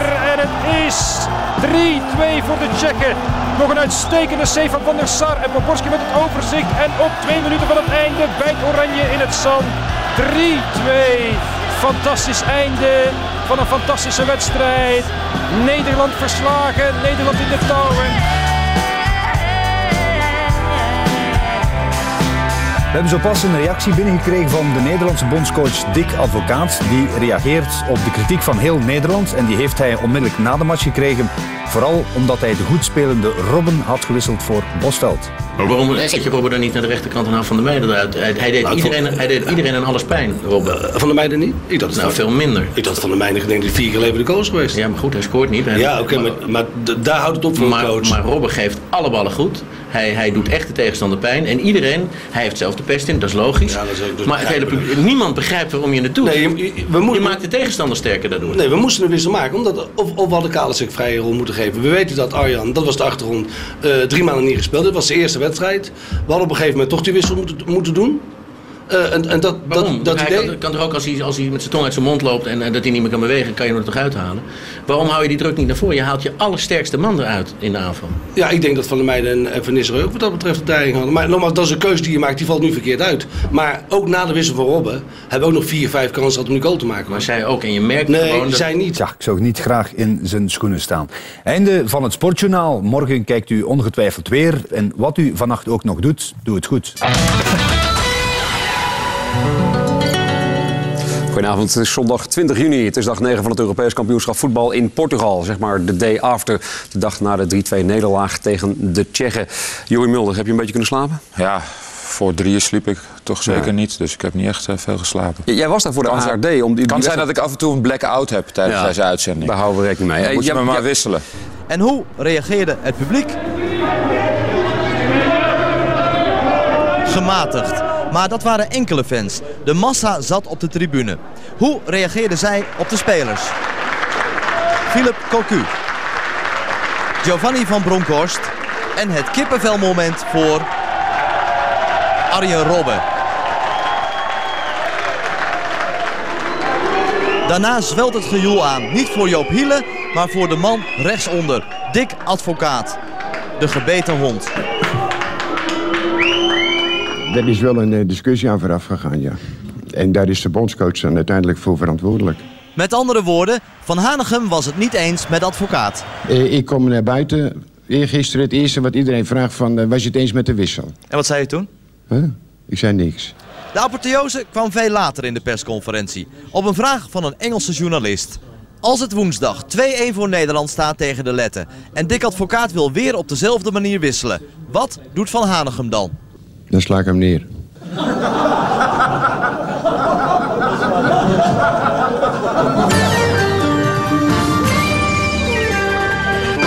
De moeizame verhouding tussen de pers en onze nationale kop van Jut, Dick Advocaat.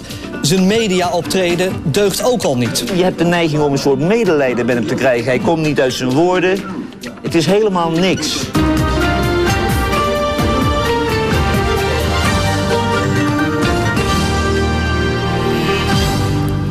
Twee wedstrijden bepalen vanavond het lot van het Nederlands elftal bij het Europees voetbalkampioenschap in Portugal. En als het allemaal onverhoopt slecht uitvalt, dan is er één man die daardoor bijna heel Nederland voor verantwoordelijk wordt gehouden. Dick Advocaat. Al dagenlang is de geplaagde bondscoach het mikpunt van een volkswoede die geen grenzen lijkt te kennen. Bij voetbal hoort kritiek, veel kritiek. Maar ik vind dat het een beetje doorgeslagen is. Ik denk mensen zich niet realiseren, dat heb ik net ook al bij de buitenlandse pers gezegd. Wat de consequentie is als je weer terugkomt in je eigen land. En eh, daar ben ik wel eh, verbitterd over. Ik vind het, een, eh, ik vind het veel te ver gaan. Gelukkig sluit de bondscoach af met een lach. Tegen wie wil hij de finale spelen? Tsjechië.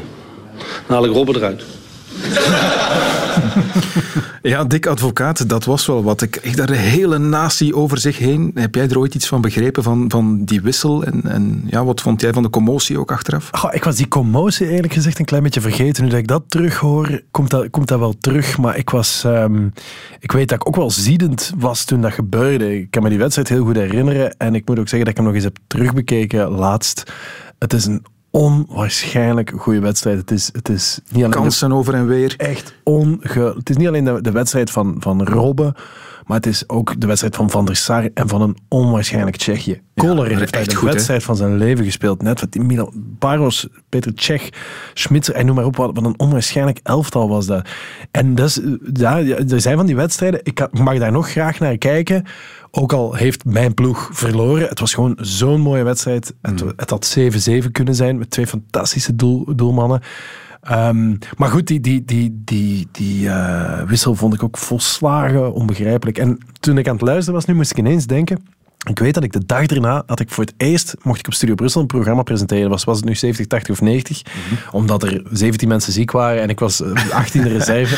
En ik weet dat ik dat toen wel, dat, dat ik dat, ik weet dat nog heel erg goed, want ik was daar, in die dagen was ik, kon ik ook nog echt ziek zijn van hey, mijn ploeg verloren had. Dat ik wel in, in mijn trainingsjackie van, eh, van Oranje ben, ben komen presenteren. Dat ik, omdat ik ook gezien had dat het Nederlands elftal zo verschrikkelijk goed was. Alleen om, ja, Paul Bosveld, dat, dat, je verzint het niet. Maar goed, want die was ook wel, die, die was niet, ging niet geheel vrij uit bij die doelpunten eh, die er nog vielen. Dat was het ergste van al. Maar het is, als ik het nu ook wel hoor, dan denk ik van, maar ze hebben advocaat wel heel hard aangepakt. Nederlanders zijn er nog veel feller in dan, dan, dan Belgen. En eigenlijk, ik, ik mag hem zeer graag. Ik, ik vind het een heel goede coach. Ik moet, moet er altijd hard om lachen. Het is ook doodzonde dat hij het bij België niet goed gedaan heeft. Want eigenlijk is het echt een, een, een zeer capabele vent. Dat zien we nu ook bij Feyenoord. Maar goed, ja, pakt het, pakt het wel goed uit en komt het allemaal nog wel goed natuurlijk. Maar het mocht niet zijn. Het, is, het was een, een verschrikkelijk scenario. Ja, het is in die groepsfase toch nog goed gekomen met Nederland, want ze hebben uiteindelijk nog de halve finale gehaald, maar er dan uit tegen Portugal. Weet je nog wie dat EK gewonnen heeft uiteindelijk? Is dat Griekenland? Ja, ja, met dat verschrikkelijk lelijke voetbal. Charisteas. Ja, die scoorde de goal in de finale, denk ik, tegen Portugal dan. Hè? Ik denk eigenlijk dat, dat... Ik vond Nederland toen heel goed, maar eigenlijk was Tsjechië de ploeg van de... Die hebben volgens mij nog wel halve finale gehaald. Ook die waren echt zo verschrikkelijk goed. Radio 1. Sportza Retro.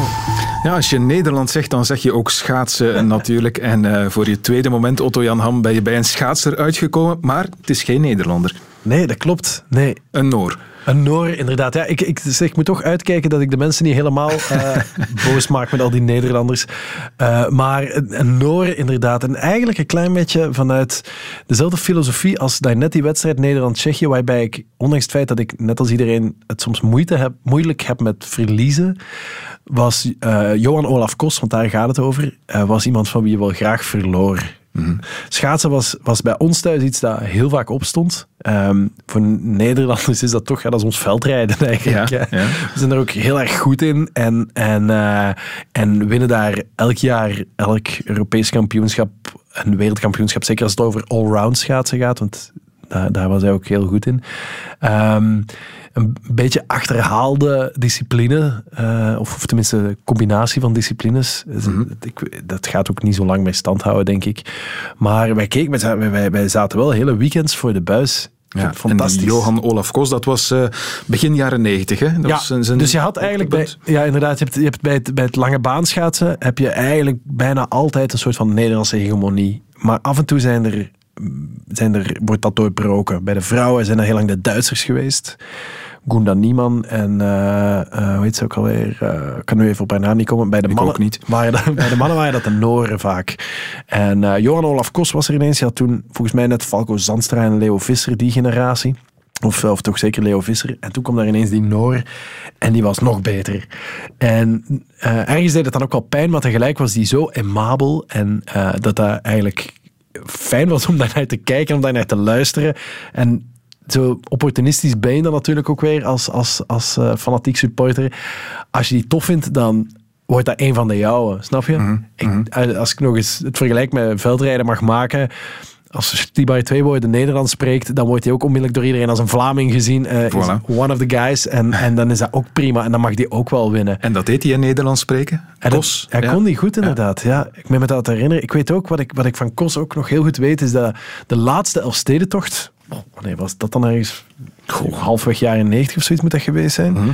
Toen was hij al gestopt als lange baanschaatser, maar heeft hij wel ook de Elfstedentocht. En iedereen werd gek van hem, die, die vent te zien. Zo. Het was een, ja. Noren zijn nogal afstandelijk voor hem. Hij heeft tenminste hebben misschien toch een klein beetje zo die, die, die eh, reputatie, maar hij was zeer eh, wel bespraakt. En, en volgens mij heeft hij nu ook een vrij hoge functie ergens in het IOC of zoiets. Hij doet dat Intelligente man, inderdaad. Ja. En eh, hij was de kwelduivel zeg maar, van de Nederlanders in het Ja. schaatsen. Wie, wie had je toen nog allemaal? Rintje Ritsma, herinner ik me. Ja.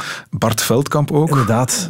Falco Zandstra kwam Belg toen. geworden. Ja. Ja, Ben Verburg. was een fantastische keer. Dat, was de, dat is de Jan-Willem van Schip van het schaatsen. Zo. Echt Oh, een beetje een bijzondere vent met eigen ideeën. Met een hoekje af, zoals een wij zeggen. behoorlijke hoek af, maar wel heel fanatiek ook. Ja. En ik denk dat vlak dus Ritsma die kwam na Visser. En daarvoor had je Leo Visser. En Leo Visser was echt... dat- En, en daarvoor had je nog Iep Kramer, de vader van Sven Kramer. En dat wa- waren die mannen dan weer. Maar eh, ja, Ritsma had het moeilijk met Kos. Drie keer wereldkampioen geweest in het allround. Zoals je zegt, ook vier gouden medailles op eh, de Olympische Winterspelen behaald. Johan Olaf Kos, we gaan eens kennis maken. My best and most favorable World Championship moment was in 1991 in Tialf Stadium. It's the fourth distance, the 10,000 meter, because I had never broken a world record on the 10K, and the Dutch audience was spectacular. Je mag toch bijna niet meer verwachten dat Kors in staat zal zijn om hier een nieuw wereldrecord te rijden op deze afstand. Als hij daartoe in staat is, levert hij echt een bovenmenselijke prestatie bijna hier in Heerenveen. I was 22 years old in uh, 91, and that was probably my best season. Ver uit de snelste tussentijd, maar dan ook ver uit. I was flying. I literally flying. And I think that's when the Dutch spectators realized that we, we can support Johan. felt really, really, really at home. I appreciated the, the immense support from the Dutch audience. Johan Olaf Kors op het ijs van Heerenveen van Tialf. Hier is de wereldkampioen in een nieuwe wereldrecordtijd. 13.43.54. Het is formidabel wat deze Kors hier dit weekend heeft laten zien. Vandaag een ode aan de 10 kilometer van Johan Olaf Kos, Hamar, 1994. Het was zijn derde gouden medaille en zijn derde wereldrecord. En op die 10 kilometer reed hij echt een belachelijk wereldrecord. Hij reed alle schema's aan fladden. Hij dubbelde zijn tegenstander in de rit. Het was onvoorstelbaar. In de kleedkamer zat zijn trainingsmaatje en zijn goede vriend Bart Veldkamp te kijken. Ik keek naar die rondetijden en toen vingen de camera's een hele interessante quote van Bart. Die zei... Kan gewoon niet. Waarom kon dat dan niet? Omdat Kos vlak voor die spelen geen deuk in een pakje boter schaatste? Of omdat Kos altijd ging trainen met de stel Noorse langlovers die zoveel EPO hebben gebruikt dat ze nu nog licht geven in het donker? We zijn weg met Johan Kors en Frank Dietrich. 35-12. Goedemorgen. Dat mag je nog een gedurfde opening noemen. 32 rond. Ja, hij gaat alleen maar sneller per ronde. En oh, oh, oh, wat zullen die Nederlanders nu toch allemaal denken als ze dit zien. En dit is een automaat, dit is een machine aan het worden. Je gooit er een gulden in en hij rijdt. En er markeert helemaal niks aan. 32-1. Nou, je hoeft het niet meer te zeggen. Elke ronde hetzelfde. En dit gaat een onwaarschijnlijke tijd worden. Deze Kors die kan het wereldrecord verpletteren met 12, 13, 14 seconden. Dat is ongelooflijk. En ik haat het om het te zeggen, maar u kunt het absoluut rustig vergeten dat er iemand anders goud werd hier op deze 10 kilometer dan Johan Olaf Kors. 13, 43, 54 was het wereldrecord. Het lijkt een belachelijke tijd als je deze fantastische schaatsenrijder op het laatste stuk bezig ziet. En hier is het nieuwe wereldrecord. Het nieuwe Olympisch record, het nieuwe Noorse record. 13, 30, 55. Ja, hier zal echt niemand in de buurt kunnen komen. 13, 30, 55. Iedereen zegt 57 uit, kan je hier geen 13, 31 rijden. Het kan gewoon niet. Johan Olaf Kos, Norge.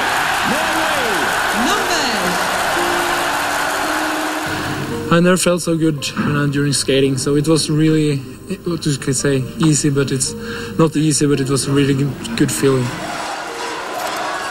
Johan Olaf Kos, hij was goede vrienden met Bart Veldkamp, maar hij frustreerde hem blijkbaar ook wel eens Ja, maar dat, moet, hè. je hebt dat Ja. nodig in de sport, denk ik. Maar ik moet, ik, ik- als ik die commentaar terug hoor, ehm, zeker die 10 kilometer, dat is zo verschrikkelijk saai. Ik weet niet hoeveel rondjes dat zijn, maar dat, dat, dat is gewoon... en wij keken daar toch graag naar. En dan zeker die laatste ritten, die waren wel spectaculair, omdat dan de toppers gaan. Maar die eerste ritten, dat duurde gewoon, dat was altijd een rondje, 35-2. En wij schreven al die rondetijden ook op thuis. Ja, echt? Ja, ja, Dat, vond, ik- dat vond ik nog wel geestig. En dan, maar ik heb het ook altijd fascinerend gevonden dat die schaatsers in staat zijn om zo'n ronde echt tot op de honderdste van een seconde te blijven, of tenminste consequent te rijden eigenlijk. En, en als die dan zo een, een val of, of, of een verlies hebben van een vierhonderdste, dan zegt zo'n commentator, oeh, nu zien we toch dat het achter... En dan denk ik, van vierhonderdste van een seconde. Ja. Hoe kan je dat, dat... Dat voel je toch niet eens als mens. Maar toch zijn die topsporters in staat om dat soort ja, constante snelheid erin te houden. Dat vind ik ja, fascinerend altijd bij sport. Johan Olaf Kos, mooi dat we die nog eens eh, opnieuw kunnen horen. hè. Absoluut. Sportza Retro. We zijn toe aan je derde en laatste moment, Otto Jan. En daarvoor zijn we uitgekomen bij de man met de prachtige bijnaam De Vlinder van Maastricht. Mooi. mooi, mooi, mooi. Voilà. Je kunt ook Turbo Tom zeggen, want het gaat over eh, Tom Dumoulin. Tornado Tom was al gepakt, geloof ik. Hè? Ja. Dat is iemand anders, inderdaad. Tom Dumoulin en de, de Giro van 2017. De Giro, je hebt al gezegd, eh, je houdt van wielrennen. Dan moet die editie natuurlijk eh, helemaal bovenaan je lijstje staan. Ja, ik mis, weet je, het, eh, waarom ik die zo mooi vond, was omdat we één Giro ervoor, of twee Giro's ervoor, hadden wij natuurlijk de verschrikkelijke, pijnlijke, eh, hoe zou ik het zeggen, desillusie van, van eh, Steven Kruiswijk meegemaakt. Ja. En we als Nederlander, eh, we mogen niet klagen, sporters doen het doorgaans wel goed, maar bij wielrennen is dat niet het geval. En daar, daar, daar, daar halen wij nog niet, komen wij nog niet aan de enkels van de, van de, van de, de Belgen. Dus dat was, ineens gebeurde dat wel, en dat je Steven Kruiswijk en die reed echt iedereen aan fire en die was zo verschrikkelijk goed. En ik weet nog goed dat ik in een vergadering zat op Woestijn, dat ineens ik was er ook van overtuigd, die gaat de Giro winnen. En dan kreeg ik iemand die tegen mij zei van, uw vriend is in het ijs gereden. En ik, ik, ik ging onmiddellijk naar een televisie en ik zag dat. En dus spatte heel die droom uit elkaar. En daarom was het zo mooi dat ineens Tom Dumoulin dat binnen het jaar of binnen de twee jaar recht zette. Op fenomenale wijze alweer. Ja, het is niet zonder slag of stoot geweest wel. Hè. Vooral de slotweek die begon eigenlijk al vrij dramatisch met één bepaalde etappe die er ook op dat vlak een beetje bovenuit sprong. En die de geschiedenis gaat ingaan. Ja. Eh, eh, hij was op dat moment was hij drager van het roze na een heel erg goede eh, tijdrit en ook een, een, een, een, een knappe zegen ook, een etappe, een bergetappe. En ineens ging het niet meer zo goed en moest hij, was er iets gebeurd en consternatie. En ik kreeg ook, ik, was, ik was niet aan het kijken, maar ik kreeg een bericht van iemand. Dumoulin afgestapt. Ik zeg, het is niet waar. Ik, had, ik kreeg zo'n f- een soort flashback. Maar wat bleek, hij, was, hij had darmproblemen en hij moest aan de kant en hij moest zijn pak uitdoen en hij moest kaka doen. Het is ongelooflijk, maar waar. En al die camera's zijn daar dan bij. En zelfs dat deed hij trouwens gracieus. Want het is een heel gracieuze man. Hè. Het is, het is, hij deed hij eigenlijk heel elegant. Maar hij bleef kalm en hij is uiteindelijk in staat gebleken om de Giro te winnen. Terwijl hij onderweg is, rustig is afgestapt om langs de kant kaka te doen. Het is eigenlijk, het is, dat zegt wel iets over zijn overmacht in die ronde. Ja, geschiedenis is dat inderdaad. We gaan die ronde van Italië nog eens herbeleven. Nu. Anthony! We're ready for our next team. Ladies and gentlemen, please now welcome uh, to the stage from Germany, Team Sunweb. Non mi sta neanche aspettare. We welcome Team Sunweb from the Netherlands, uh, Tom Dumoulin.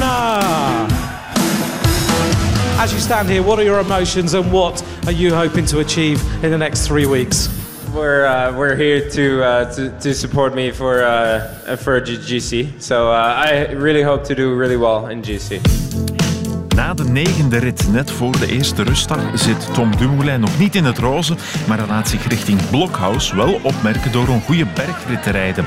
Al is hij in het interview na de etappe vooral boos op een motor die half op de weg stilstond toen het peloton passeerde. Dat dwong toen Dumoulin's ploegmaat Wilco Kelderman tot opgave. Eigenlijk uh, baal ik als een stekker omdat we Wilco verliezen. Ja, dat is echt kut. Ja, wat, wat gebeurt daar joh? Die motor die er staat en jij hebt zelf ontzettend veel geluk hè? Ja, ik weet niet wat hij daar aan het doen was. Dat is echt, oh, wat een eikel. Echt. Wat een goal. Maar ja, ja. ja, ik zelf was wel heel goed, dus daar ben ik wel tevreden over. Ik heb een paar van mijn concurrenten toch wel pijn kunnen doen. Maar uh, ja, ik zei het toch uh, met een uh, kutgevoel. Ja, je reed fantastisch, hè? Dan is de simpele vraag, kan je de Giro winnen? Nou ja, Quintana heeft gisteren wel laten zien dat als hij even doortrekt, dat we er allemaal met z'n allen af liggen. En de derde week is op zijn maat gesneden dan wordt het nog veel zwaarder dan uh, alleen deze blockouts. Dus ik denk dat dat het heel moeilijk wordt. Quintana pakte eergisteren het roze, maar Dumoulin, een van de favorieten voor de eindzege, is een specialist tegen de tijd. Bij zijn aankomst is al duidelijk dat hij niet alleen de tijdrit wint met overwicht, maar ook uithaalt in het klassement. Ja, ik uh, heb gewoon een hele goede tijdrit gereden, uh, dat blijkt. En uh, dat de tijdsverschillen zo groot waren, dat ja, kon ik alleen maar heel erg op hopen. En dat is gelukkig gebeurd. Here he goes, picks it up, Dumoulin has done it, king of the mountain, king of the hills, king of the time trial, and I think king in waiting of this Giro d'Italia. Wow, what about that? Tom Dumoulin, dan toch een beetje koppie in jou. Wat een prestatie. Ja, dat was uh, M. Pantani uh, misschien een beetje. De Britse acteur Roger Moore is op 89-jarige leeftijd overleden. Hij was vooral bekend als geheimagent James Bond. In de Ronde van Italië verliest leider Tom Dumoulin twee minuten op Nairo Quintana, maar hij blijft nog nipt in de roze leiderstrui. Het is een beetje gênant, Martin, maar de leider moest van de fiets voor een sanitaire stop. Vlak voor de laatste klim krijgt roze leider Tom Dumoulin last van maag en darmen. En er volgt een noodzakelijke sanitaire stop.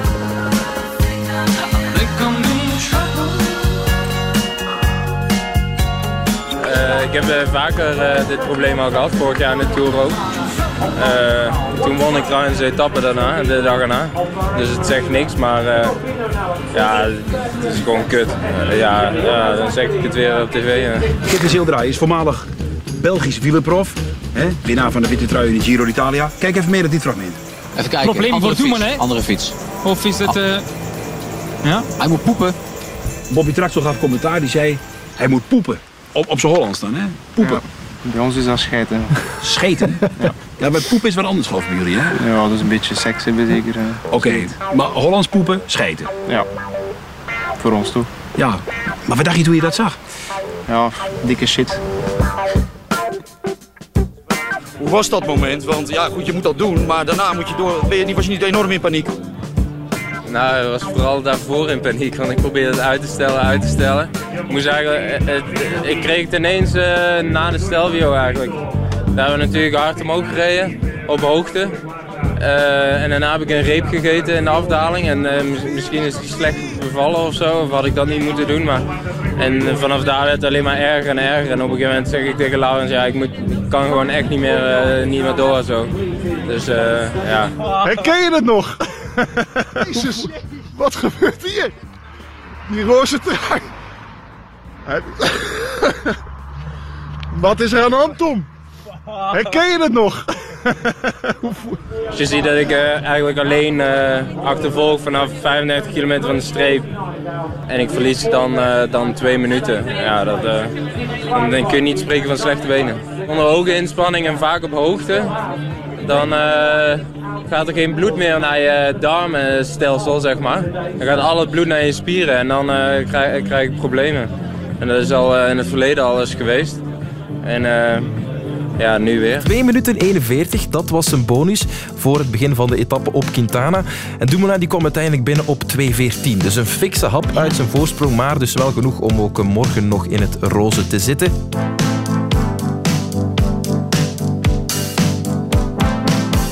Twee dagen van het einde verliest Dumoulin zijn leiderstrui toch aan Nairo Quintana. Ja Tom, je zit nog in het roze, je bent er kwijt. Het was een hele zware dag hè? Ja, ik had een slechte dag. Dus... Uh ja, dan, uh, maar ik ben al heel erg trots op die jongens. Uh, we lieten ons een beetje verrassen uh, in het begin. Dat was echt stom, dat was mijn fout.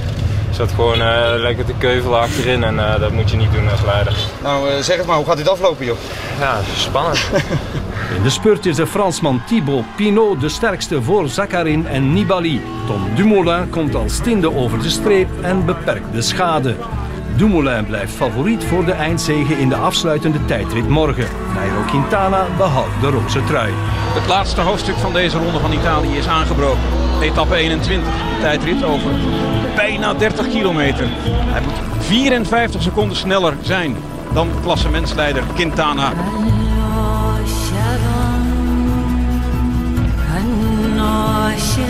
Een historisch moment is in de maak. Op dit moment is Tom Dumoulin de leider in de Ronde van Italië. Met nog een paar tijdritkilometers voor de wielen heeft hij Nairo Quintana te pakken.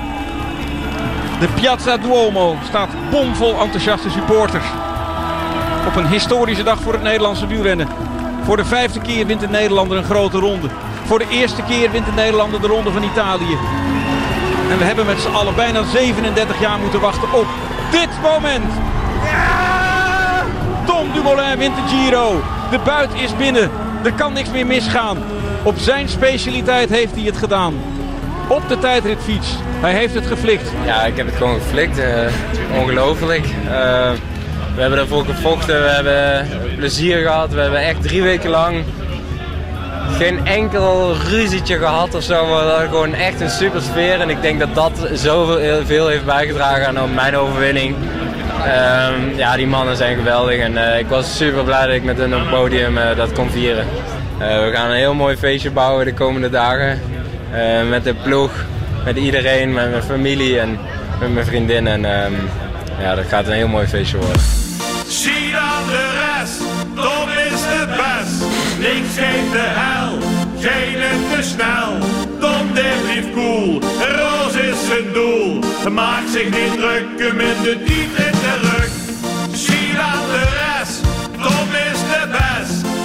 Niks geeft de hel. Tom Dumoulin, ik zag je, Otto-Jan, uh, tijdens uh, Nederland-Tsjechië daar net zo'n beetje kippenvel krijgen. Doet dit ook wel ja, iets met jou? Ja, absoluut. Ik, ik hoor hem graag bezig. Ja. Ik, uh, het is, hij, heeft, hij heeft het gevoel voor humor, hij kan het goed uitleggen en het hart op, op de tong. Dat, ja. En ook wel weer een intelligente kerel. Ja, ja absoluut. Dat speelt toch wel mee eigenlijk. Ik moest, ik moest ook lachen op het moment dat, dat ze het hadden over het feit dat hij dat in de Tour de France eenzelfde darmprobleem ook gehad had. Dat, hij vertelde het zelf.